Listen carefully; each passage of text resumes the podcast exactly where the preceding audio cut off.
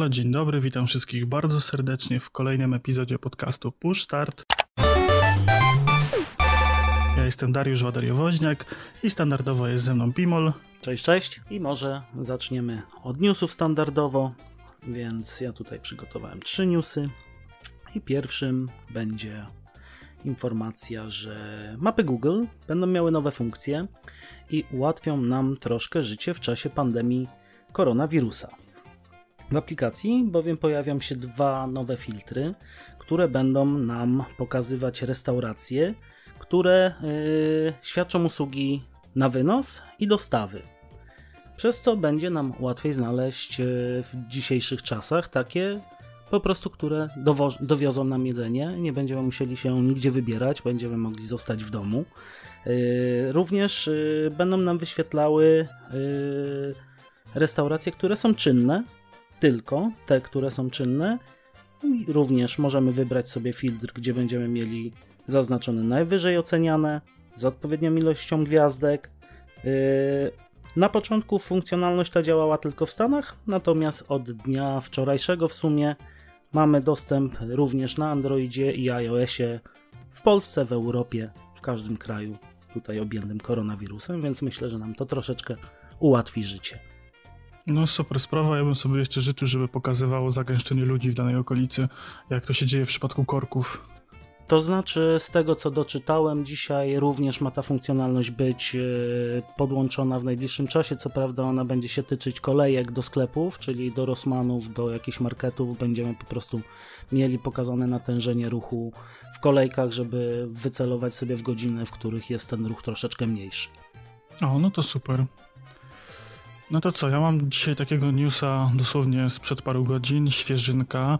Na portalu e, Łowcy Gier pojawił się anonimowy przeciek, taka ploteczka e, od pracownika jednego z dużych elektromarketów, która pokazuje nam e, cenę premierową Xboxa X Series na polski rynek. Jest to 2,5 tysiąca złotych. No ta cena może jeszcze uleć, podobno, podobno jeszcze może ulec zmianie, bo jest to taka cena, która tam jest u nich w systemie, no ale podejrzewam, że taka bazowa wersja właśnie będzie tyle kosztowała.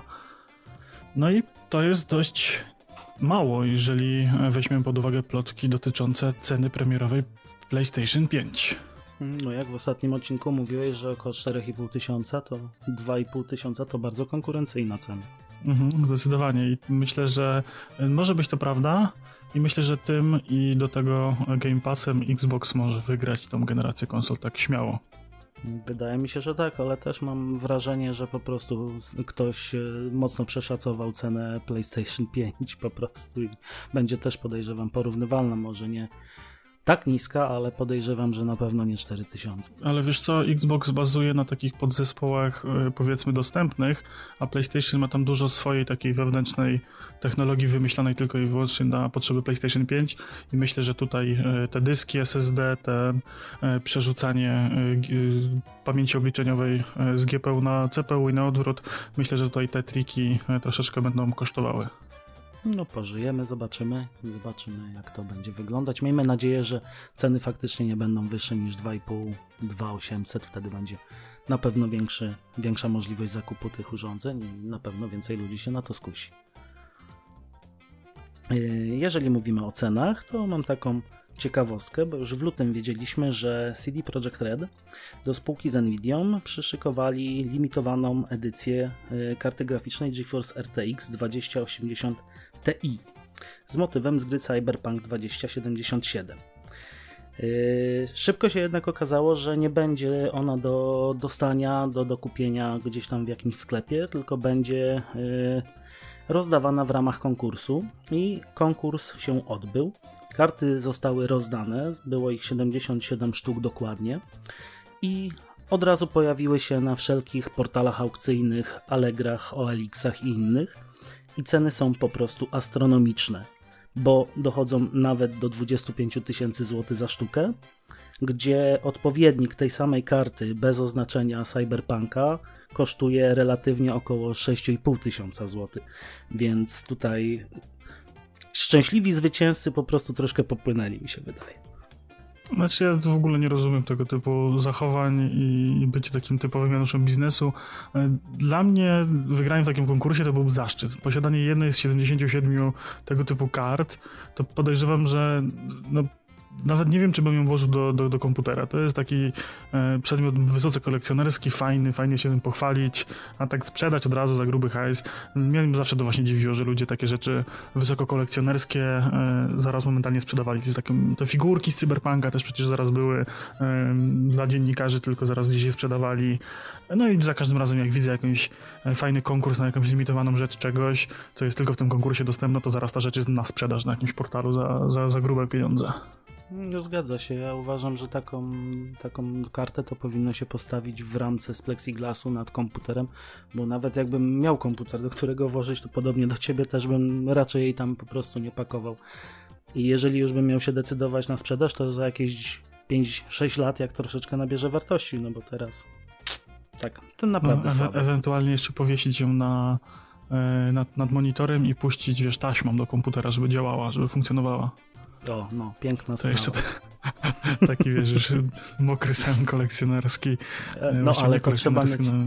trzeba mieć jeszcze do tego stanowisko dobrze przygotowane, nie? Jak no mają tak, wszyscy tak. takie game, game cave'y, to wtedy oczywiście jak najbardziej sobie powiesić cały, cały komputer na pająka na ścianie, zakryć plexiglasem i wiesz, no. No, dokładnie Mieć tak. szpan. No, no to ja mam taką jeszcze ciekawostkę. Ostatnio na Twitterze Mark Hamill pożegnał fanów Gwiezdnych Wojen. E, no, myślę, że kim jest Mark Hamill każdy wie, to jest aktor, który wcielił się w Luka Skywalkera. E, no i ostatnio dowiedzieliśmy się, że e, historia tego aktora z Gwiezdnymi Wojnami dobiegła już oficjalnie końca. No i pożegnał się z fanami. On, to jest taka osoba, która była bardzo zżyta z, z tym, ze swoją postacią. Zawsze tam gdzieś w mediach tych fanów szanował, lubiał i, i odpowiadał na te ich męczące pytania odnośnie Gwiezdnych Wojen, pracy na planie i tak dalej. I on był taką mega bardzo pozytywną osobą, e, jeżeli chodzi właśnie o, o obsadę aktorskie na jakikolwiek tytułów według mnie. E, no i tak trochę szkoda, że, że już go nie zobaczymy. No, może nie zobaczymy go w samych produkcjach, ale pewnie jakieś wywiady jeszcze, autobiografie i inne rzeczy. Czy może nie autobiografie, ale same biografie na pewno się będą nam zdarzać, więc jeszcze, jeszcze o nim chyba usłyszymy. No, nie, nie, nie, nie spisujmy go Nie, no tak, tak, tak, ale bardziej mi chodzi tutaj jako... Ja wiem, wiem, wiem o co wiesz, chodzi. Luka Skywalkera i takiego mm, ambasadora Gwiezdnych Wojen. No, ale pewnie na jakimś Comic-Conie da się go spotkać i będzie można jeszcze z nim pogadać. O ile no ktoś tak. będzie, miał, będzie miał pieniądze na to i wypuszczą nas z kraju, prawda? Tak, tak. Żeby pojechać. No dobrze, jeżeli mówimy tu o innych krajach, to wspomnimy sobie o firmie Microsoft i o jej projekcie Xcloud, który wkrótce rozpocznie testy w innych krajach niż tylko Wielka Brytania i Stany Zjednoczone. E, gigant z Ameryki przygotowuje serwery dla graczy z 11 krajów e, Europy Zachodniej.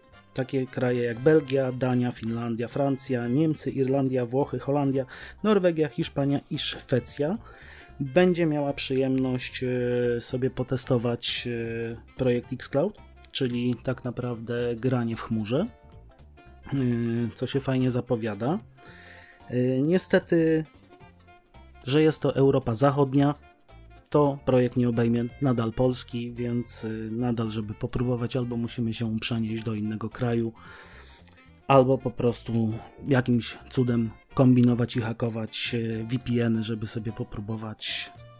Ja żałuję, bo naprawdę bym chciał sobie stestować na przykład Gearsy na telefonie, siedząc sobie obok żony, oglądając serial.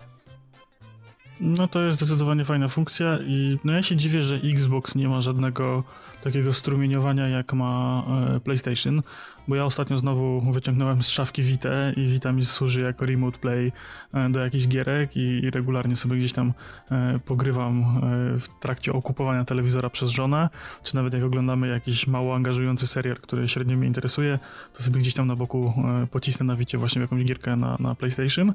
I z tego co wiem to dość dobrze działa to już na smartfonach i fajnie by było, gdyby Xbox, może ten nowy, miał takie coś wbudowane. E, no ten Xcloud, no mnie to jakoś nie przekonowuje granie e, gdzieś dalej, od domu, od konsoli na telefonie, no ale jak najbardziej fajna opcja i myślę, że w najbliższym czasie też się w Polsce pojawi. To jest kwestia e, czasu chyba, nie? miejmy nadzieję, bo na razie czytając wszelkie doniesienia a propos przeniesienia do Polski, nawet kiedyś e, skierowałem bezpośrednie pytanie do oddziału polskiego Xboxa. Nikt nie potrafi odpowiedzieć, czy w ogóle to nastąpi.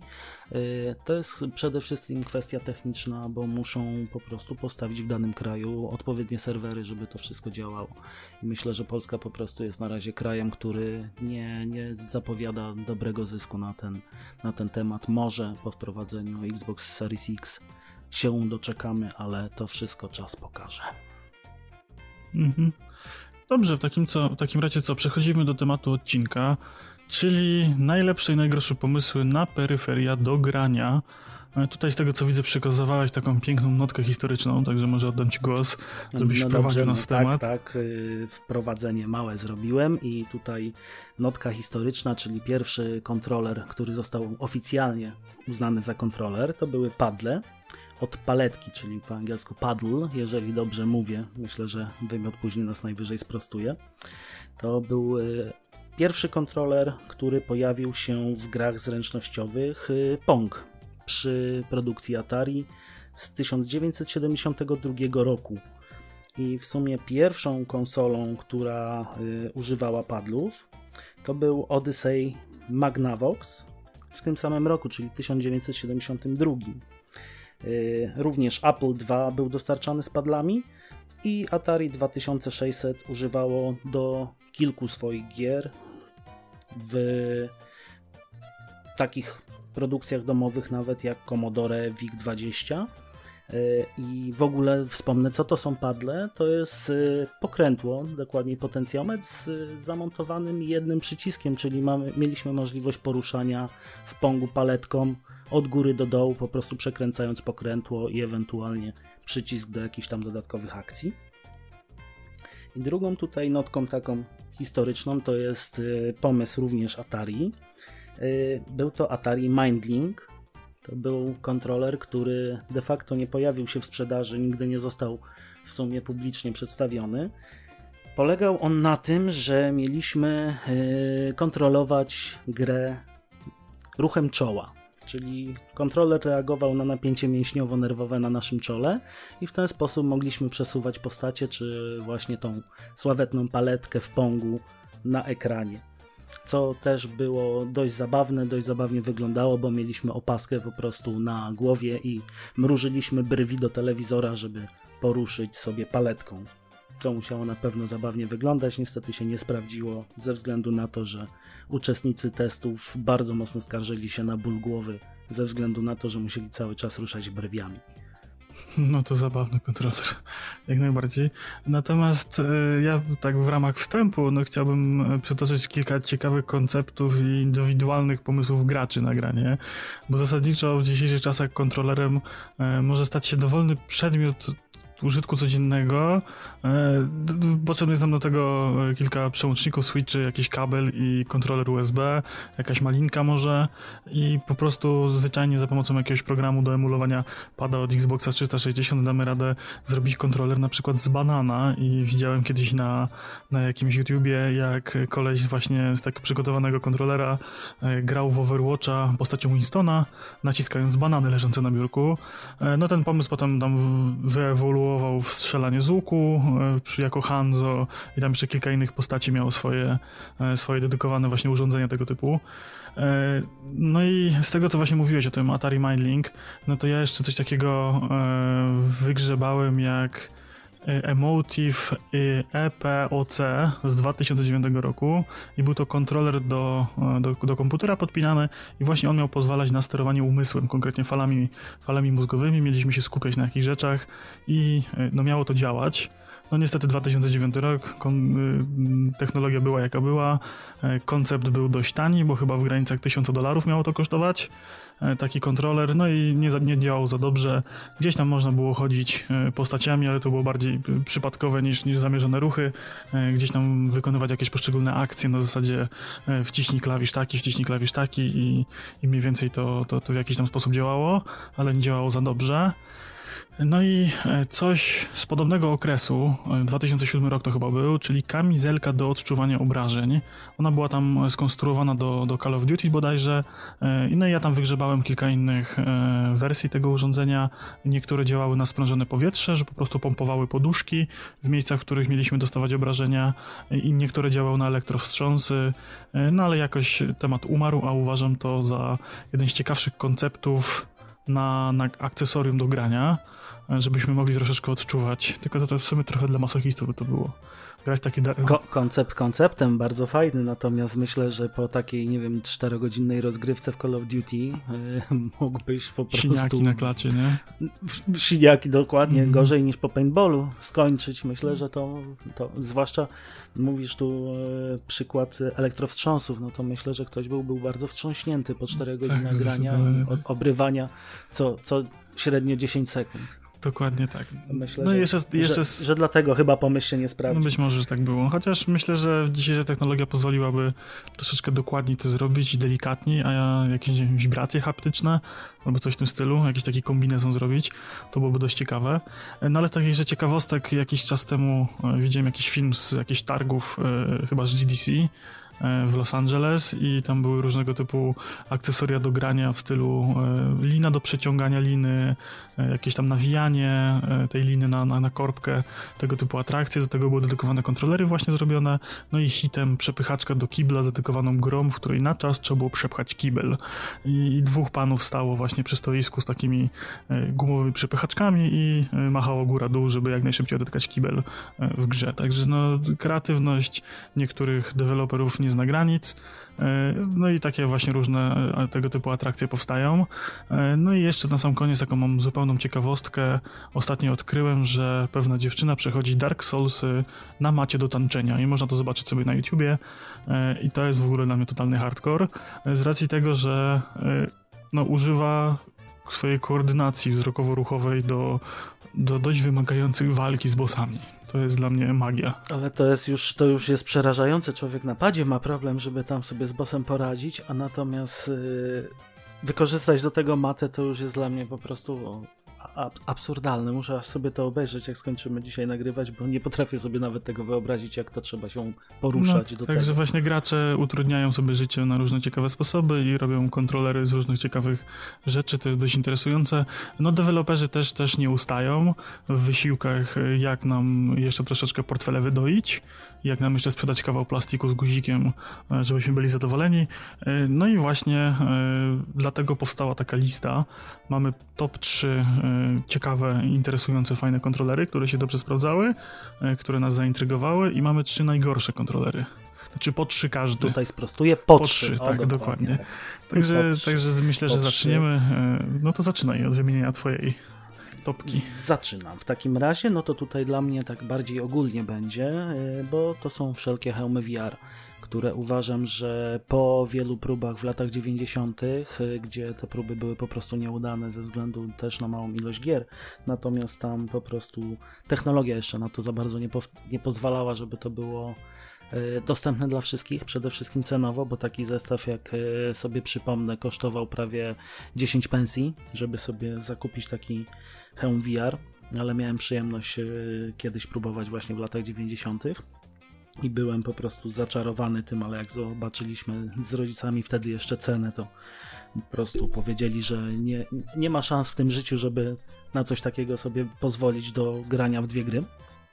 E, gdzie dzisiaj, dzisiaj te ceny już troszeczkę spadły, bo jak wiemy, na przykład e, Sony PSVR to jest cena w granicach 900 zł gdzie to jest nawet nie średnia krajowa. Y, I ten sprzęt po prostu się tak rozwinął, takie dał nam możliwości, zresztą jakość obrazu, jaką mamy, już jest na tyle wystarczająca, że jest w stanie nas oszukać. Nie jest to może idealne oszustwo, jeżeli chodzi o realizm, natomiast na pewno jest to już coś, co czuwamy. I tutaj myślę, że to by była taka technologia, która będzie się dalej rozwijać. Tutaj oczywiście mamy wielu producentów i z takich wiodących to wydaje mi się, że to będzie Oculus Quest, jeżeli chodzi o te wiodące, czy HTC Vive. z tych akurat miałem przyjemność też korzystać i uważam, że są niesamowite w robieniu tego, co robią, czyli przekazywaniu nam doznań z gry w, do naszej rzeczywistości. Również PSVR też testowałem, też miałem przyjemność się chwilę pobawić i też wrażenia są niesamowite, chociaż przy VR-ze PS z PlayStation bardzo mi przeszkadza to, że stosujemy albo kontroler, albo te magiczne pałeczki, że tak to nazwę, bo nie jest to najwygodniejsze. Jednak w Oculusie czy w HTC Vive te y, kontrolery do rąk są dużo wygodniejsze i wydaje mi się, że lepiej się sprawdzają. Gdzie w ogóle Oculus Quest to już jest y, klasa sama w sobie, bo nie mamy nawet żadnych latarni, które muszą nas skanować, tylko po prostu jest to samodzielny sprzęt, którym możemy sobie po prostu umilać czas, czy podłączyć go pod yy, peceta i sobie grać w takie gry jak ostatnio wydany Half-Life Alex. No ja osobiście zachorowałem ostatnio właśnie na Oculus Questa i mam nadzieję, że to jest bardziej kwestia kiedy niż czy. I no ta technologia też mi się bardzo podoba. Ja siedziałem raz właśnie w HTC Vive i dłuższą chwilę w PSVR i to jest naprawdę coś no niesamowite przeżycie. To jest po prostu e, gaming nabiera nowego, wyższego poziomu w tym. E, no ja bym sobie jeszcze życzył, żeby było więcej takich gier jak Half-Life Alyx, takich, które trafiają do mainstreamu, które są duże, dopracowane z budżetem i trafiają do ogółu, bo jeżeli to będzie trafiało do ogółu, to ludzie będą chcieli kupować ten VR, ten VR będzie lepszy, tańszy, dostępniejszy i automatycznie będzie na niego jeszcze więcej fajnych gier. No ja tam po rozmowie krótkiej z wymiotem wiem, że tych gier tam jest dość sporo, ale e, no, żaden taki tytuł jak Half-Life Alex na razie nie przykuwa graczy do, e, do, do tej technologii. E, mimo tego, że tam jest dużo dość dobrych gier, dużo dobrych dopracowanych gier i fajnych gier, to jednak ja uważam, że właśnie ta technologia potrzebuje takiego troszeczkę dużego rozpędu i trzymam kciuki za, za, za Valve, żeby im się to udało. Sony gdzieś tam coś próbowało, Sony coś gdzieś próbuje, ale mam wrażenie, że nie wiem, tak zbroją się na VR 2 do, do PlayStation 5, że gdzieś tam tych gier tak niezbyt wychodzi, tam jakiś pakiet startowy tych gier dość był, no potem te wszystkie możliwe e, porty od Bethesdy VR-owe się pojawiły, e, jakieś tam tryby do, do Forzy VR-owe, e, parę jakichś tam takich dość krótkich gierek, dość fajnych, ale dość krótkich, no i Resident chyba najfajniejsza gierka moim zdaniem na, na, na PSVR. Także mam nadzieję, że, że, że będzie to szło do przodu i że to jest, no może nie taki główny trzon przyszłości gamingu, ale taki fajny dodatek, że, że mam nadzieję, że większość gier będzie wspierała VR, że będzie się dało fajnie w nie grać. No, to właśnie to jest taki problem. Tu mam troszeczkę taki właśnie dysonans, że z jednej strony chciałbym, żeby było klasyczne granie kanapowe dalej dostępne, a jednocześnie życzyłbym sobie takich samych dużych tytułów na, na VR, jak mamy na, na, na, na normalne platformy, tak? Ale to fajnie by było właśnie, jakby producenci sobie rozdzielili jedną wersję na VR, a drugą wersję na kanapowe i jedziemy do przodu.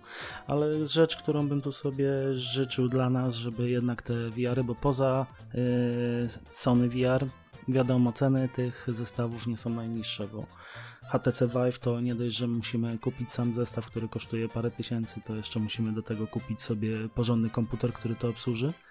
Y, przy Oculusie Questie no też cena nie jest jakaś bardzo zachęcająca, żeby sobie pobawić się w załóżmy w tym momencie z takich większych tytułów to będzie nie wiem 10-15, które by były ciekawe, więc myślę, że też y, Życzyłbym sobie po prostu, żeby ta cena troszeczkę spadła właśnie do poziomu PSVR i wtedy myślę, że to się bardziej, bardziej nam rozwinie, będzie bardziej dostępne i będziemy mogli sobie również to pod każdą strzechą przetestować, pobawić. Mhm. Pewnie, że tak. Dobra, no to co, na mojej topce jest dość dziwne, głównie homemade'owe urządzenie, bo to nie jest chyba nigdzie w sprzedaży prowadzone. Nazywa się to Camera Zero. Jest to taki bajer do Euro Truck Simulatora. Ja jak pierwszy raz zobaczyłem to u kolegi, że on coś takiego ma, to w ogóle mózg mi totalnie roz, e, eksplodował. Kolesie wymyślili, że za pomocą kamerki do PlayStation 3, którą teraz gdzieś tam można kupić za jakieś grosze, e, czapki i kilku diod i paczki baterii, można zrobić e, kontroler do rozglądania się w Eurotrack Simulatorze. Czyli tam, gdzie patrzymy, w, w, jadąc ciężarówką, odwracamy głowę, y, kamera śledzi naszą głowę i to po prostu jest dla mnie coś niesamowitego, coś wspaniałego. Ludzie, którzy to wymyślili, są dla mnie geniuszami i to jest taki właśnie e, no, trochę łamiący tą barierę właśnie imersywności w, w tej grze. No, no, to, że po prostu kolesie jeżdżący ciężarówkami wpadli na taki pomysł, to skradło to moje serce w 100%. Szczerze powiem, że jak tylko wrzuciłeś do agendy, to zacząłem wyszukiwać tej kamery Zero i w internecie poza informacją jak to podłączyć nie ma prawie żadnych filmików pokazujących co to jest i do, do chwili przed tym, jak mi powiedziałeś, nie, nie wiedziałem w ogóle do czego to służy. Natomiast y, sam pomysł jest genialny, bo tak jak wspominałem już kilkukrotnie, jestem osobą, która uwielbia wszelkiego rodzaju symulatory i właśnie przede wszystkim problemem w takich produkcjach jak Flight Simulator czy właśnie Rack Simulator y, są obsługa wszystkich y, akcesoriów, tak żeby nie musieć sobie tworzyć płaskich w 2D y, konsol, żeby sobie obsłużyć myszką czy tam padem, tylko żeby obsłużyć to w pełnym 3D, żeby była ta imersywność. E, i uważam to za genialny pomysł, bo spędzając wiele, wiele godzin we Flight Simulatorze po prostu wkurzałem się za każdym razem, że musiałem myszką kręcić głową, żeby sobie popatrzeć na kontrolery. To jest po prostu genialne. Mhm. Też widziałem gdzieś kiedyś wersję a propos e, Flying Simulatora, chyba wersji PC-owej, że ktoś zrobił soft na na Kinecta do, do wspomagania obsługi tego Flight Simulatora.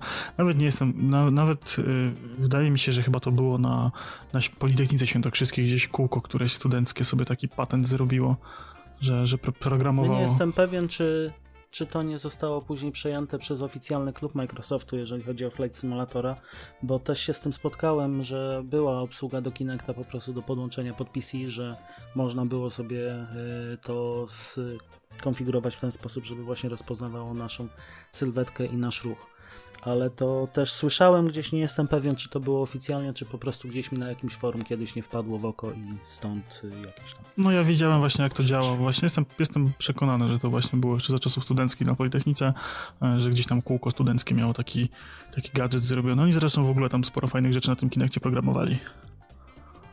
No był.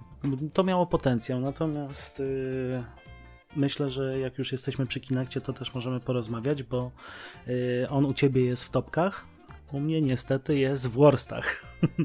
to znaczy niestety i stety. Y, tutaj myślę, że po prostu różniliśmy się troszkę podejściem, bo ja uważam, że Kinect był y, mega fajnym pomysłem, natomiast sama realizacja, samo, sama technologia jest ciekawa jest bardzo fajnie zastosowana do konsoli, natomiast y, to, jakie możliwości nam daje, jest troszeczkę ograniczona w stosunku do właśnie chociażby hełmów VR i y, ilość gier tutaj była tak mała, że myślę, że to nie miało po prostu przez to prawa się przyjąć. Wielokrotnie bawiłem się, bo Kinecta miałem wiele lat y, i bawiłem się w kilku produkcjach, nie powiem, że, że nawet całkiem fajnie. Natomiast y, no tutaj myślę, że te ograniczenia tej technologii na tamte czasy to była super technologia. Natomiast w momencie, gdy pojawiły się VR-y, tego typu rozwiązania, to jest technologia, która nie ma prawa po prostu już bytu. No widzisz, z mojej perspektywy wygląda to tak, że dla mnie Kinect on był dobrą technologią, tam nie było zmarnowanego potencjału w żaden sposób. Jedyne co, no to deweloperzy nie wykorzystali tego należycie, ale samo z siebie to on był bardzo dobrze i przemyślnie e, zrealizowany, zaprogramowany. I on działał, i on miał bardzo fajną gamę umiejętności, to rozpoznawanie gestów, rozpoznawanie, e, do tego może jeszcze dalej przejdę, to rozpoznawanie gestów i tak dalej, ale jeżeli chodzi o samą konsolę, o Xboxa 360, bo ja sobie gdzieś, e, gdzieś, gdzieś w okolicach świąt po premierze kupili tego Kinecta z żoną, to bawiliśmy się świetnie i masa gier tanecznych, y, masa gier sportowych, jakichś barowych, rozrywkowych, y, no takich no czysto zręcznościowych czysto dających fan, y, ale na przykład świetny Nike Trainer, który pokazuje nam jak zrobić ćwiczenia i dokładnie monitoruje jak te ćwiczenia robimy, z jaką prędkością i tak dalej. Mega super sprawa, mega to fajnie działało, jeżeli ktoś ma tylko powierzchnię do, w domu do rozłożenia Kinecta na stałe, żeby to nie trzeba tam nic przesuwać, no to można sobie robić codziennie treningi z tym Nike Trainerem. Tak jak mówię, masa ciekawych, fajnych gier, no głównie tak jak mówię, zręcznościowo-rytmiczno-tanecznych, e, zabrakło dużych, fajnych produkcji. E, i myślę, że to najbardziej uśmierciło Kinecta, ale on sam z siebie był naprawdę genialną technologią. Ja właśnie przy okazji tego kółka, ja się kiedyś tak dość mocno interesowałem tym Kinectem i obserwowałem, jak tam chłopaki właśnie z tego kółka programistycznego gdzieś tam coś robią z tym Kinectem, to on naprawdę miał mega fajne e, umiejętności, bo on i śledził ruch e, dłoni i gesty i, i, można było zaprogramować rozpoznawanie właśnie poszczególnych gestów, tam pokazywanie palców, jakichś kombinacji gestów i tak dalej. I to wszystko mogło fajnie bardzo działać. No tylko raz, że oni dość późno chyba zrobili open source z niego na PC-ty, E, a no konsolowo to, to, to nie zażarło, za mało gier było, mimo tego, że jego było dużo, bo on później był dodawany e, do, każdej, do każdego Xboxa, do którejś tam rewizji Xboxa tam był dodawany za każdym razem w standardzie, no i Xbox One e, wyszedł i on też miał Xboxa, tylko on to już w ogóle chyba umarł ten Xbox razem z, z Xbox One'em. To znaczy Kinect Kinek do Łana to był na samym początku był obowiązkowy no i był dokładany od razu. E, natomiast później faktycznie on umarł, bo nie rozwinęła się ta technologia. Zaczęliśmy po prostu tutaj. Nie było tytułów. No właśnie, nie było tytułów. Przede wszystkim. I właśnie Ale tutaj... tutaj jak najbardziej z, co do y, mocy y, obliczeniowej, czy tego, jakie ma umiejętności, to też y, podziwiam tutaj pro, projektantów, producentów tego sprzętu, bo naprawdę on jest y, niesamowity, jeżeli chodzi właśnie o skanowanie ludzkiego ciała. I co najzabawniejsze, nie wiem czy wiesz, on jest bardzo często wykorzystywany w. był przynajmniej, nie wiem jak teraz, y, był wykorzystywany przy produkcji filmów i do tworzenia efektów 3D żeby zeskanować postać. Dopiero to było, na to było nakładane różne tekstury i były wykorzystywane jako efekty specjalne w filmach. Tak, to jest jedna kwestia. Druga kwestia też kilkukrotnie na targach e, zbrojeniowych widziałem tą technologię wykorzystywaną w akcji, gdzie dwa sprzężone kinekty e, na takiej arenie e, pseudostrzeleckiej i do tego broń e, taka pseudolaserowa, tak, no bo to miała być repliki broni palnej, na, na, na, które tam po strzale wypuszczała wiązkę laserową i bardzo fajne strzelanie dynamiczne w ten sposób. E, bawiłem się w to i to mega fajnie działało, bo Kinect wykrywał, kiedy e, zamek się w pistolecie ruszał i czy trafiliśmy cel, czy nie, no to już tam po laserze było. To mega fajnie działało, mega fajnie e, to wyglądało przede wszystkim, efektyw, efektowne to było, no i naprawdę on miał dużo, wiele ciekawych zastosowań, tylko no zdechł, no, no gdzieś, nie wiem, czy, czy Microsoft stwierdził, że nieopłacalny jest ten, ten Kinect, naprawdę dla mnie to jest zagadka. Dlaczego oni go nie pociągnęli? Bo tak jak PlayStation tego swojego move'a przy okazji VR zreanimowało i wyciągnęło z zagrobu, bo stwierdziło, że dużo ludzi kupiło, no to skoro go już ma, ma PlayStation 4, nie używa go, to sobie kupi go, ten Google VR, to będzie korzystało. No. Mm, zgadza się, natomiast wydaje mi się, że tak jak wspomnieliśmy, cały czas wspominamy po prostu ilość produkcji na tego Kinecta i pomysłu, jak to wykorzystać, bo nie wyobrażam sobie, żebyśmy, nie wiem, w Call of Duty czy y, w Fallouta grali za pośrednictwem Kinecta bo byłoby to dość, myślę, ciężkie, chyba żebyśmy wykorzystywali i pada, i Kinecta, co by było już dość absurdalne.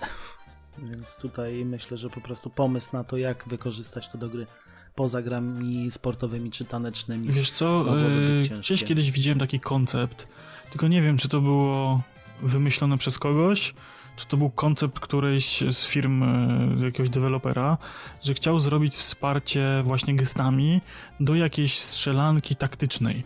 Na zasadzie, że tam sobie gramy padem, strzelamy, celujemy i tak dalej, ale dużo komend możemy wydawać głosowo i właśnie e, gestami w trakcie, wiesz, normalnie strzelania tam do swoich teammateów, nie? Że sobie wydajemy tam jakieś, że tam za mną, odwrót i tak dalej. To, miało, to nie miała być sieciowa strzelanka, to miało być na boty, w sensie, że y, single player i mieliśmy mieć drużynę, której wydajemy rozkazy właśnie przy pomocy Kinecta. Y, no i plus pamiętam, że był taki Tony, y, Ton Clancy Hawks 2, taki zręcznościowy arcade'owy, e, samolotowy shooter i tam właśnie sporo rzeczy mogliśmy zrobić właśnie w Kinectie za pomocą głosu. Wydając mu komendy głosowe, latając tym samolotem, tam mogliśmy flary odpalić, strzelać, namierzać cele i tak dalej. Rozglądać się też chyba można było, z tego co pamiętam, No ale tutaj patrząc właśnie na Kinect, jeżeli chodzi o tylko zastosowanie głosowe, to tak naprawdę możemy go zastąpić każdym mikrofonem, prawda? Nie no tak, tak, no ale wiesz, do tego, do tego obsługa gestów i wiesz, wtedy nie siedzisz uwiązany mhm. kablami i tak dalej, yy, słuchawkach, tylko siedzisz normalnie przed telewizorem, masz pada i on jest jako urządzenie towarzyszące, które w jakiś sposób cię tam supportuje i wspiera. Yy, no tak jak mówię, no samo, samo głosowe no to nie byłoby to, to, to, czego Kinect potrzebował, ale jeszcze jakaś obsługa gestów, właśnie rozglądanie się tego typu rzeczy. Myślę, że to by było fajne i to by to uratowało. No ale cóż, tego zabrakło. To musimy, musimy napisać petycję do Microsoftu, żeby wznowił Kinecta, bo mamy kilka nowych pomysłów, więc mo może się sprzeda. Musimy się z nimi skontaktować, więc będzie, będzie hajs.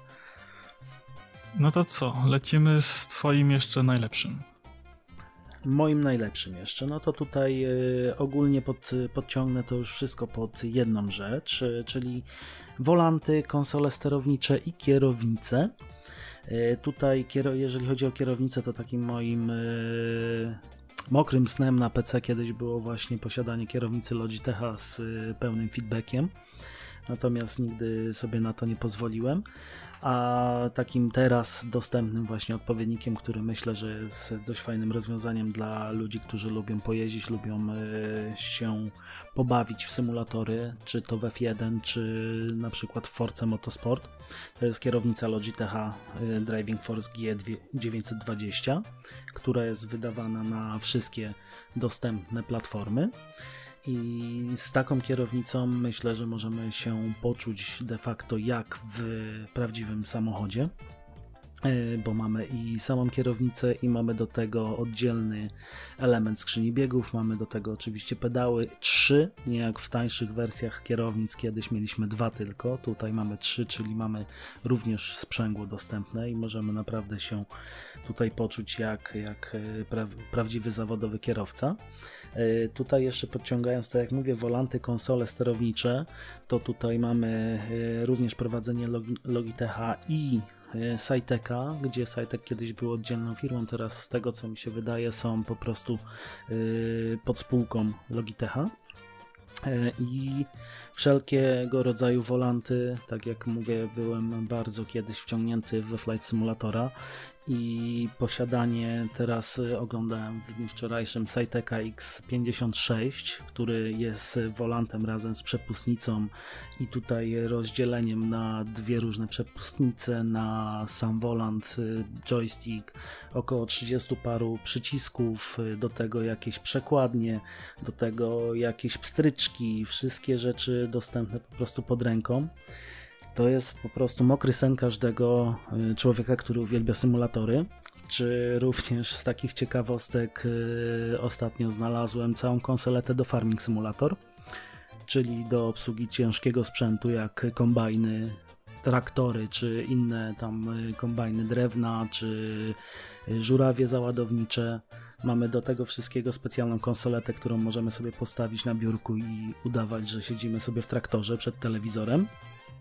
A wracając jeszcze do Volantów i Saiteka, to ogólnie do Flight Simulatora oni się specjalizują już na tyle, że można zakupić sobie każdy jeden z przyrządów lotniczych, jakie są w prawdziwym samolocie, do podłączenia pod peceta i yy, tutaj z takich znanych ludzi Michał Wiśniewski kiedyś pokazywał, on jest y, co prawda ma licencję pilota i y, wszystkie te rzeczy, ale jak był jeszcze znany i bogaty, to w domu postawił sobie w pełni wymiarowy symulator y, lotów właśnie z wykorzystaniem Flight Simulatora i wszystkich akcesoriów Saiteka włącznie z całą aparaturą y, pokazującą nam tutaj poziom lotu, z autopilotami, z całym radiem, kontrolerami automatycznego pilota i wszystkimi tymi bajerami, co naprawdę w niektórych przypadkach wygląda tak niesamowicie, że to są po prostu mokre sny małego mnie, kiedy zaczynałem przygodę z lataniem i kiedy ma marzyłem o tym, żeby zostać pilotem. No dla mnie to jest zawsze totalny kosmos. No poza kierownicami to te wszystkie inne kontrolery. E, no ja rozumiem pasję ludzi i tak dalej, ale ja z tym kompatybilny zupełnie nie jestem. Nie kręci mnie to i nie jara, ale samych kierownic no przerobiłem trochę w życiu. E, swojego czasu dużo grałem w test drive'a, w, w stokę, w, no w te Need for Speedy, wszystkie inne zręcznościowe, no i zawsze to na kierownicach było ogrywane. No miałem i takie tańsze, i takie trochę lepsze. E, no fakt, ten Logitech to, to swojego czasu na PC to była jedna z lepszych i najdroższych kierownic, jakie były i to był okresem każdego dzieciaka. No w tym momencie mam tam, mam tam jakąś taką średnio zaawansowaną od, od Hori bodajże kierownicę do PC i do, do PlayStation i w dalszym ciągu sobie gdzieś tam e, poje, pojeżdża, pojeżdżuję e, w jakieś takie różne bardziej arcade'owe e, wyścigi. No już mi się tak bardzo nie chce w te wszystkie symulatory jeździć, bawić, dlatego też nie inwestowałem jakiejś kupy hajsów w mega drogą zaawansowaną kierownicę do, do właśnie czy do, motosp- czy do motorsporta, czy do, czy do jakiejś innej Forzy, tylko właśnie chodziło mi o to, żeby żeby się troszeczkę pobawić. Także no zasadniczo, zasadniczo myślę, że kierownica to jeżeli ktoś lubi wyścigi, to, to jak najbardziej polecam. No. To ja może tutaj ci wytłumaczę, dlaczego akurat y, mnie tak wciągnęło symulator, symulatory i tego typu rzeczy, bo idąc do szkoły średniej yy, miałem Y, chory plan zostać właśnie pilotem i pójść do szkoły lotniczej. Natomiast przy badaniach y, lekarskich okazało się, że mam y, wadę wzroku w rozpoznawaniu barw i jestem po prostu od razu wyautowany z tego względu do przyjęcia do szkoły lotniczej. Przynajmniej jestem uziemiony, bo nie mógłbym robić nic poza kontrolą naziemną. I tutaj wtedy właśnie weszły wszelkiego typu symulatory, gdzie, tak jak wspominałem, miałem przelatane Oj, grubo ponad 2000 godzin w sumie we wszystkich symulatorach, e, natomiast w samym Flight Simulatorze to jest grubo ponad 200-300 godzin i to było zrobione w niecały rok, więc to też było dość sporo. A później jeszcze e, spełniło się to moje marzenie i faktycznie kiedyś poleciałem jako pilot samolotem. I porównania do tego, czego właśnie człowiek się nauczył na symulatorze, dawały bardzo dużo w tym przypadku, jak mogłem spróbować swoich sił za volantem. Nie, no to super, to jest super sprawa i tak jak mówię, jak najbardziej rozumiem ludzi, którzy w to grają, ale ja nie jestem zupełnie z tym kompatybilny. Dla mnie to, to nie jest mój poziom rozrywki, także no rozumiem, jak najbardziej. No nie jest to dla każdego, trzeba mieć cierpliwość, ale tak jak mówię, no nie jest to sama, sama przyjemność z przyjemności po prostu, żeby grać jako kanapowe siedzenie, tylko to była kiedyś moja pasja i dlatego, dlatego też to tak mocno weszło. I dlatego też tak mocno czekam na najnowszego Flight Simulatora. Zobaczymy, zobaczymy co to będzie. No to u mnie... Ale dzisiaj nie o grach, mhm. dzisiaj, dzisiaj tak o kontrolerach. No i u mnie w tej, w tej topce jeszcze jest coś, co ma tak paskudną nazwę w polskich sklepach, że ja się aż załamałem. Microsoft Wireless Adaptacyjny. Y, czyli ten taki pad y, do Xboxa i nie tylko do Xboxa, y, który jest przystosowany do osób niepełnosprawnych. I dla mnie ta idea jest mega fajna. I no ja się troszeczkę temu tak przyglądałem, on tam bazuje na, na takich tych polach kurczę, uciekło mi teraz, jak one się nazywają. Nie będę teraz mówił, jak one się nazywają, pewnie źle powiem, ale podobną technologię wykorzystuje Steam Controller i no on jest w pełni konfigurowalny. Możemy sobie go przystosować tak, jak nam jest wygodnie, czy tak jak osobie niepełnosprawnej wygodnie jest trzymać kontroler i nim grać. Tak sobie możemy dostosować e, sterowanie na tym kontrolerze. On tam ma dużo właśnie e, na tych panelach dotykowych takich, które są tam strefowo programowalne i pod naciskiem. E, no mega fajna sprawa i uważam, że Microsoft zrobił tym kawał świetnej roboty, jeżeli chodzi o dostosowywanie gier do osób niepełnosprawnych. Tym bardziej, że teraz wejdzie wejdziemy chwilowo w strefę czarnego humoru. Kilka lat wcześniej e, rzeczony Kinect e, był reklamowany e, ty jesteś kontrolerem i pamiętam takiego mema, gdzie była zestawiona ta reklama z osobą na wózku z podpisem a ty nie. Także myślę, że... Matko jedyna, przepraszam, przepraszam, ale no po prostu nie wytrzymałem. No właśnie, no tak, tak właśnie, tak właśnie internet wtedy reagował na tą reklamę i myślę, że tutaj właśnie Microsoft zrehabilitował te wszystkie, te, te wszystkie wszystkie śmieszki w internecie e, właśnie wydaniem takiego, takiego kontrolera. No i on znowu, on z tego co widziałem jest dość mocno nie tylko wykorzystywany w grach, ale właśnie również przy samej obsłudze sprzętu, komputerów, e, czy też e, widziałem, że ktoś sobie zaprogramował e, dość dużo ułatwień w domu dla swojej córki właśnie przy pomocy takiego kontrolera, że mogła nim sterować e, tam jakimiś rampami w domu, windami, tego typu rzeczami, światłem takimi, no, no ogólnie rzecz biorąc przystosował dom dla córki z wykorzystaniem między innymi tego, tego kontrolera.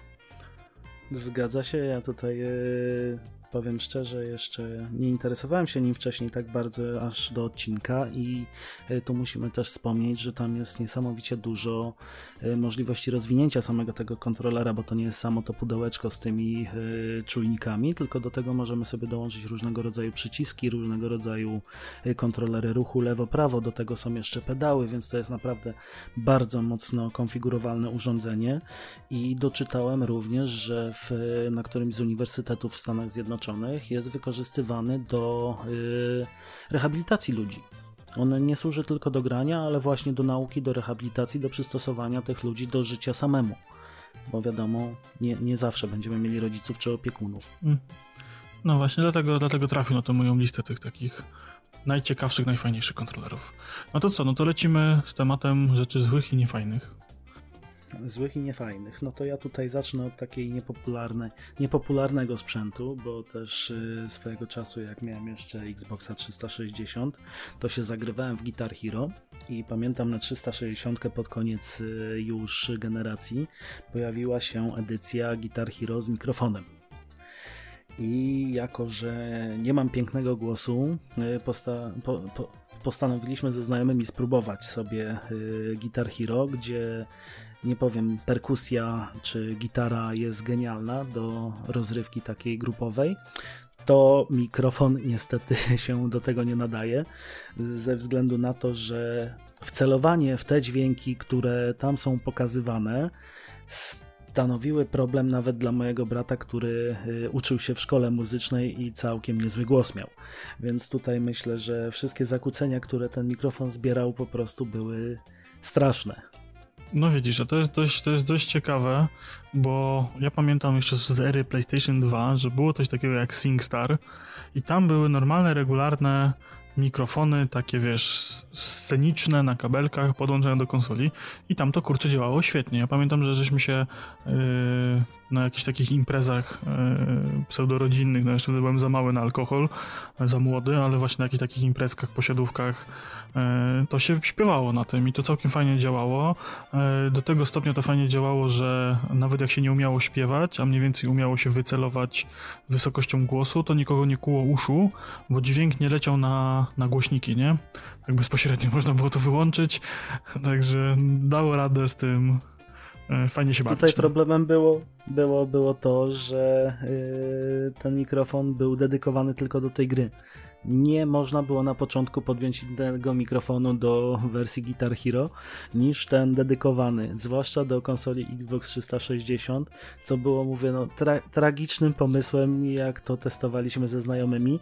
Yy, myślę, że zajęło nam to około godziny wytestowanie w cztery osoby yy, tego mikrofonu i po prostu odłożyliśmy go na półkę i więcej nigdy nie został użyty, natomiast oczywiście w Guitar Hero graliśmy sobie czy to z perkusją, czy z gitarami, gitarą basową i gitarą gitarą y, pierwszą, lidującą i się dobrze bawiliśmy, natomiast mówię, mikrofon to był po prostu straszny pomysł i uważam go, że nigdy nie powinien mieć miejsca, lepiej go zastąpić takim standardowym mikrofonem scenicznym, czy nawet zwykłym mikrofonem od komputera, który by się dużo lepiej na tym miejscu sprawdził. No dokładnie, myślę, że tutaj właśnie y, padł największy problem, że przekombinowali z rodzajem mikrofonu. Gdyby dali zwykły mikrofon na kablu, to myślę, że byłby ok. Dobra, no to co? Ja mam taki takie archaiczne wychopalisko. Cofnijmy się do 1989 roku, konkretnie do konsoli Nintendo Entertainment System i do Power Glowsa. Kurczę, to jest naprawdę fajny koncept jak na tamte czasy, ale tam wszystko zrobili źle. No mamy rękawicę, która ma przyciski i jednocześnie tam jakieś gesty powinniśmy móc wykonywać i wciskać te guziki i to tak powinniśmy fajnie grać, ale raz, nie ta era na takie gry, w sensie, że do, do, dwuwymiarowe platformówki, no to jednak to nie jest szczyt yy, tego, co można zrobić z taką rękawicą. A druga kwestia, że z tego, co, co czytałem w internecie, to tam nie działało wszystko, co mogło nie działać. Łącznie z tym, że te guziki nie działały, to było niewygodne, ręka się w tym pociła, kabel przeszkadzał, no tam wszystko poszło nie tak po prostu. No ale tu, tu zachęcamy wszystkich do googlowania sobie, bo ja też y, to wynalazłem, powiem szczerze. I jak zobaczyłem, jak ta rękawica wygląda, to zdałem sobie sprawę, dlaczego to nie działało. Po prostu umieszczenie przycisków na górze rękawicy to była po, y, zabawa ala Predator w pierwszym filmie. Nie, no ale właśnie, właśnie, sobie. bo to tak miało działać, ty wiesz, miałeś tą, wiesz, rękę przed siebie i drugą ręką na niej pisać, wiesz, jak taki cyberpunk, wiesz, przyszłość, futuryzm miał być. Tam jeszcze były jakieś guziki, wiesz, tam pod kciukiem, pod palcami do wciskania, tam jakieś tego typu jeszcze atrakcje były, ale cały pis miał polegać na tym, że wiesz, ty tą drugą ręką to jeszcze wykonujesz manewry i to, to wiesz, to miał być to coś, ale no, to nie działało, no i to jest największy problem tego, że to nie działało po prostu. Tak czy inaczej zachęcam do obejrzenia, bo naprawdę warto i powiem szczerze, nawet udało mi się znaleźć jedną sztukę na Allegro gdzieś y, w cenie 195 zł, więc jeżeli mamy jakichś kolekcjonerów wśród słuchaczy, to można się pokusić. O największy nie wypał 89 roku. Bo po emisji odcinka cena może skoczyć, także kupuj, kupuj wystał za więcej. Kupuj. No, jak, jak z Cyberpunkiem zrobimy tak. z kartami graficznymi. Dokładnie. Y, to, czyli ja będę miał następny tutaj przypadek, no to kontrolery Wii U, czyli Wii. Ileż ja to się telewizorów na wynosiłem przez te cholerne Wiimoty, to się w głowie nie mieści, bo yy, zajmowałem się kiedyś naprawą sprzętu i yy, w momencie jak z Wii się właśnie pojawiło z tymi Wiimotami, to była masakra z, miałem również przyjemność bawienia się. Nie powiem, e, odczucia ruchu były bardzo fajne, natomiast no, tutaj kiepski pomysł z nakładkami, na przykład e, w kształcie kija baseballowego, gdzie y, potrafiła się wypiąć od Wimota, jak y, machaliśmy kijem, żeby odbić piłeczkę i niestety lądowała w samym środku naszego ekranu i robiła w nim dziurę, więc no tutaj myślę, że pomysł, o ile był fajny koncepcyjnie, to w ogóle nie sprawdził się jako to, co miał robić. A widzisz, no to ja się tutaj nie zgodzę, bo ja uważam, że te kontrolery to jest kawał dobrego sprzętu i to jest taki wiesz, dziadek y, tych kontrolerów od Nintendo Switch. One tam mają kawał fajnej elektroniki, kawał fajnych czujników w dość niewielkim urządzeniu. No jedyny problem to faktycznie te nakładki, które się odpinały, odpadały i leciały gdzieś daleko, ale sam sobie kontroler to był dość niezły pomysł jak na tamte czasy. No jak na tamte czasy się zgodzę, natomiast mówię, no tutaj moje, może moje doświadczenia tutaj przemawiają w złą stronę, bo jedyne z czym mi się właśnie kojarzą to z latającymi po pokoju kawałkami plastiku, czy samymi Wiimotami, jak na przykład y, graliśmy dość y, dynamicznie ze znajomym y, w jakieś tam y, bodajże tenisa, czy coś tego typu. E, I dobrze, że kolega miał założoną matę, nie matę, tylko ekran plexiglasowy przed telewizorem, bo się po prostu nam sznureczek zerwał zabezpieczający i ten Wiimote poleciał przez pół pokoju i na szczęście wylądował na tym ekranie. Ale nie wyobrażam sobie, jakby być by zadowolonym, jakby e, wylądował na przykład w 60-calowym telewizorze, gdzie w tamtych czasach te telewizory troszkę kosztowały. No jeszcze, jeszcze plazmy może jak ktoś miał, to już wiesz w ogóle, nie? Wylane piksele. Znaczy tego jest w internecie dużo, jak ktoś sobie tam wpisze wypadki z kontrolerem Wii, to tam jest tego dużo, jak to właśnie, czy, czy z Move'em, Move miał też ten sam problem swojego czasu, że tam ludzie nim rzucali w telewizory. Tutaj zwłaszcza jak, jak, jak, ktoś miał po prostu bardzo dynamiczną, dynamiczną grę, bardzo się wciągnął, to wtedy kończyło się różnie. Dokładnie, no to mi zostały dwie rzeczy na liście, bo ty tutaj jeszcze Kinecta wcześniej wymieniłeś. E, no ja tak szybko pokrótce, coś co e, kiedyś dawno temu gdzieś widziałem na jakichś targach, e, czyli Omni, 2013 rok, komputery osobiste MacBooki, kierunkowa bieżnia do sterowania chodząc. Tylko po co? Teraz może, w dobie VR, to może by to było fajne, ale wtedy nie rozumiem. Dla mnie, ja nie jestem w stanie, okej, okay, może na jakieś zastosowanie symulatorów wojskowych, gdzie mamy jeszcze 10 tysięcy czujników, kamer dookoła i laserowe pistolety i jesteśmy w pomieszczeniu 360 z ekranami, to może to ma sens do, do jakichś takich ćwiczeń reakcji, zachowań i tak dalej, ale do takiego zastosowania czysto komercyjnego, żeby sobie kupić kierunkową bieżnię do domu, żeby, nie wiem, w Skyrima z padem biegać po pokoju, nie, no, nie rozumiem, nie, rozumiem. Nie, nie, tu ogólnie jakby, jakbyśmy też spojrzeli na, na, na to, jak ten Omni, Omni wyglądał, to przypominają nam się filmy też z lat 90., gdzie w salonach z automatami stały takie y, automaty właśnie z bieżnią Omni i mieliśmy VR w ten sposób. To mówię, to są głębokie lata 90. i tam to było pokazywane i do tego by się myślę sprawdzało, ale tutaj wspominając, no to możemy spojrzeć e, na film Player One, no to chyba taka omnibieżnia bardziej nam by się spodobała w dzisiejszych czasach. No tak jak mówię, do, te, do, tego, który... do tego Google VR, tak, w tym momencie jeszcze. Zgadza się. I wtedy, wtedy to miałoby to sens, no sens, ale no, no nie, ten, nie ten 2013 rok, kiedy to, to było dostępne na rynku. No i zostało... No, o mnie było pokazywane na to, że ma być to technologia rozwijana, bo też e, o nim nawet czytałem w którymś CD Action czy w czymś takim i wtedy właśnie VR miał się rozwijać, miał mieć swoje najlepsze czasy, miał się bardzo mocno rozwijać i wtedy jeszcze nie, jeszcze nie wypalił. No to właśnie zdechło Musiał i jeszcze dorosnąć. nie pykło. Natomiast e, ostatnią taką wisienką na torcie, creme de la creme, 2009 e, rok, Xbox, Wii i PlayStation 3, Activision wpadło na pomysł, że wyda nowego Tony Hawk'a i wyda do niego kontroler Tony Hawk Ride, czyli deskę takiego hoverboarda teoretycznie, tak? Do, do, do grania w Tony Hawk'a i w ogóle, w ogóle dlaczego? Jak oni sobie, jak, ja, poczekaj, jak oni sobie wyobrażali, że będziesz stał na desce, która ma po boku przyciski i okej, okay, prawo, lewo jesteś w stanie balansować ciałem i się ruszać, teoretycznie podskoczyć też jesteś w stanie, bo tam możesz balansować przód, tył i ten postać skakała, no ale co, będziesz się schylał, żeby kliknąć guzik, żeby coś więcej zrobiś? Ja w ogóle nie rozumiem, no, dlaczego. To zastanawia mnie to, w jaki sposób zrobić Oliego, czy jakieś, jakiekolwiek triki, bo albo byśmy musieli, nie wiem, nogą udawać, że robimy ten trik na tej desce, co myślę mogłoby się skończyć tragicznie połamanymi kończynami. Znaczy, wiesz co, tam były czujniki po bokach i tam mogliśmy się odpychać z boku, wiesz, jak machaliśmy nóżką obok, to tam był czujnik i on to wykrywał, jakieś takie, podobno dało się robić na tym triki, tylko przypomnę, to jest plastikowy kontroler okej, okay, o ile dzieciaka posadzisz, no to ja na takim kontrolerze, to jakbym spróbował zrobić Oliego, to po pierwsze, że zabiłbym siebie, rozpieprzył kontroler, to jeszcze głową przyrycznął w telewizor. Jestem więcej niż pewny, że tak by się że, że tak by się to skończyło. No dlatego nie wyobrażam sobie, jak oni... Chyba, że to, to miało być dla 15-latka z ograniczeniem masy do 35 kg. No to chyba, że do tak. przodu, no. Wtedy może, może by to się miało sprawdzać, ale tak to też sobie nie wyobrażam i wcale się nie dziwię, że umieściłeś to na liście trzech najgorszych, bo po prostu nie, nie jestem w stanie sobie tego wyobrazić.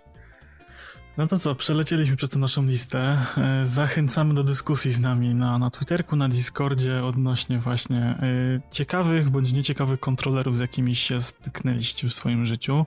Może ktoś coś ciekawego sam opatentował i wymyślił, może gdzieś y, żeście widzieli coś równie zabawnego, równie, równie atrakcyjnego, jak żeśmy wymienili albo macie w domu pełny kontroler, pełny wymiarowy kontroler wyścigówki F1 albo właśnie samolotu, to możecie się pochwalić. U nas tak, pochwalcie się na, zdjęciami. No. Na, na, zdjęciach i pokazać, jak, jak to zrobiliście. Może podpowiecie nam, jak to zrobić. Jak w końcu się dorobimy milionów, to ktoś sobie może, może sobie postawimy w końcu również coś takiego w domu. Dokładnie. No i co, jeszcze tak na sam koniec może yy, w co żeśmy grali, bo wiele się chyba nie zmieniło od ostatniego yy, tygodnia. Ja mogę od ciebie powiedzieć, że zacząłem w końcu, po tylu miesiącach, Red Dead 2. Jestem po prorogu i jestem zachwycony. Myślę, że w najbliższym czasie zdam y, głębsze relacje, jak pogram trochę dłużej, ale kurczę, ta gierka jest tak dopieszczona, że no ja no mam ten problem, że ja się właśnie w takie gierki, które są tak fajnie dopracowane, tak dobrze dopieszczone, jeżeli chodzi o, fa o fabułę, mechanikę, te animacje i tak dalej, to ja się muszę tak zanurzyć. I ostatnio sobie gdzieś tam grałem wieczorem i właśnie tak wpadłem, wsiąknąłem i, i muszę mieć takie komfortowe warunki, żeby mi dzieci nie przeszkadzały, żeby mi żona nie przeszkadzała, żebym sobie mógł siąść i tak na dłużej się właśnie zanurzyć w tą grę i ona jest idealna do takiego pochillowania. Tam się wszystko dzieje powoli, spokojnie. Tam właśnie tak jak tam Toj się tam śmiał, że tam ileś tam klatek animacji, za czym wyciągniesz ten pistolet do strzału, no ale to mi daje taką mega fajną satysfakcję i przyjemność z patrzenia na to. Na dłuższą metę fakt może jest to męczące do grania, ale ta gra jest tak, żeby sobie właśnie posiedzieć godzinkę, dwie, zrelaksować, odchillować, tak wszystko pomału na spokojnie, pobić kowbojem. A ja właśnie uważam, że te wiele klatek na wyciągnięcie broni i tak dalej właśnie daje klimat w tej grze. Ja Red Deada z, zakupiłem w dzień premiery i skończyłem chyba tydzień po premierze już yy, całą rozgrywkę. Całą fabułę i no tak jak mówisz, w tą grę jak się usiądzie, jak tylko odebrałem grę z paczkomatu, usiadłem, no to jak zacząłem o godzinie bodajże 10 wieczorem po instalacji, po, po wszystkich paczach, po wszystkim, to skończyłem chyba o 4 rano jak się wciągnąłem po prostu w ten prolog, w ten w sam początek, gdzie ta historia jest naprawdę bardzo fajnie opowiedziana. To wszystko jest tak yy, Tam jest spięte dużo... razem. Ja powiem ci tak, ostatni, Ostatni raz miałem tak przy grze, że takimi pierdołami, na które się normalnie nie zwraca uwagi, zachwycałem się przy Wiedźminie Trójce. Tam też chodziłem i cieszyła mi się japa na to, co widziałem na ekranie. Nie musiało się dziać wiele, nie musiałem tam mieć akcji, pchać fabuły dookoła, po prostu łaziłem przez ten świat i obserwowałem, co jest dookoła. Tam ten śnieg no, w, tej, w tym prologu, tak? Jak sobie tam łazimy, to wszystko jest tak mega fajnie zrobione, taki jest klimat. Naprawdę patrzysz na to i cieszysz się po prostu. No. Zgadza się, nawet y, głupie reakcje przechodniów, jak do nich zagadniesz, czy na przykład ich zaczepisz, zawsze ta reakcja jest inna. Y, no, mnie, mówię, niesamowicie połknęła ta gra i spędziłem w niej już y, ja jako sam około 100 godzin, natomiast moja żona od roku sukcesywnie cały czas gra i jak patrzyłem ostatnio na licznik, to ma ponad 250 godzin w Red Deadzie, więc... Ja sobie ostrzę ząbki na tego online'a, powiem ci szczerze też warto spróbować, natomiast ja jak y, skończyłem online, to jeszcze był w powijakach. Nie wiem, czy on jeszcze już z bety wyszedł, natomiast y, jak ja grałem, on był jeszcze w becie i nie było wiele do roboty. Teraz wiem, że dużo się zmieniło, nie miałem, nie miałem kiedy do niego przysiąść, bo teraz kontynuuję The Surge 2 i troszkę ogrywam Niera Automatę, bo pojawił się nam w Game Passie. Natomiast no, tutaj Red Dead Redemption Online jak najbardziej też polecam też jest fajny, chociaż na początku były takie problemy jak to w każdej grze y, Rockstara, że y, sama społeczność była dość agresywna w stosunku do siebie. Natomiast zostały wprowadzone jakieś kary do tego i już to się troszeczkę uspokoiło. Ale naprawdę. No to jest przede mną, także zobaczę, zobaczę po przejściu wątku głównego na pewno ten online i zobaczymy, czy się wciągnę na, na więcej niż przy GTA.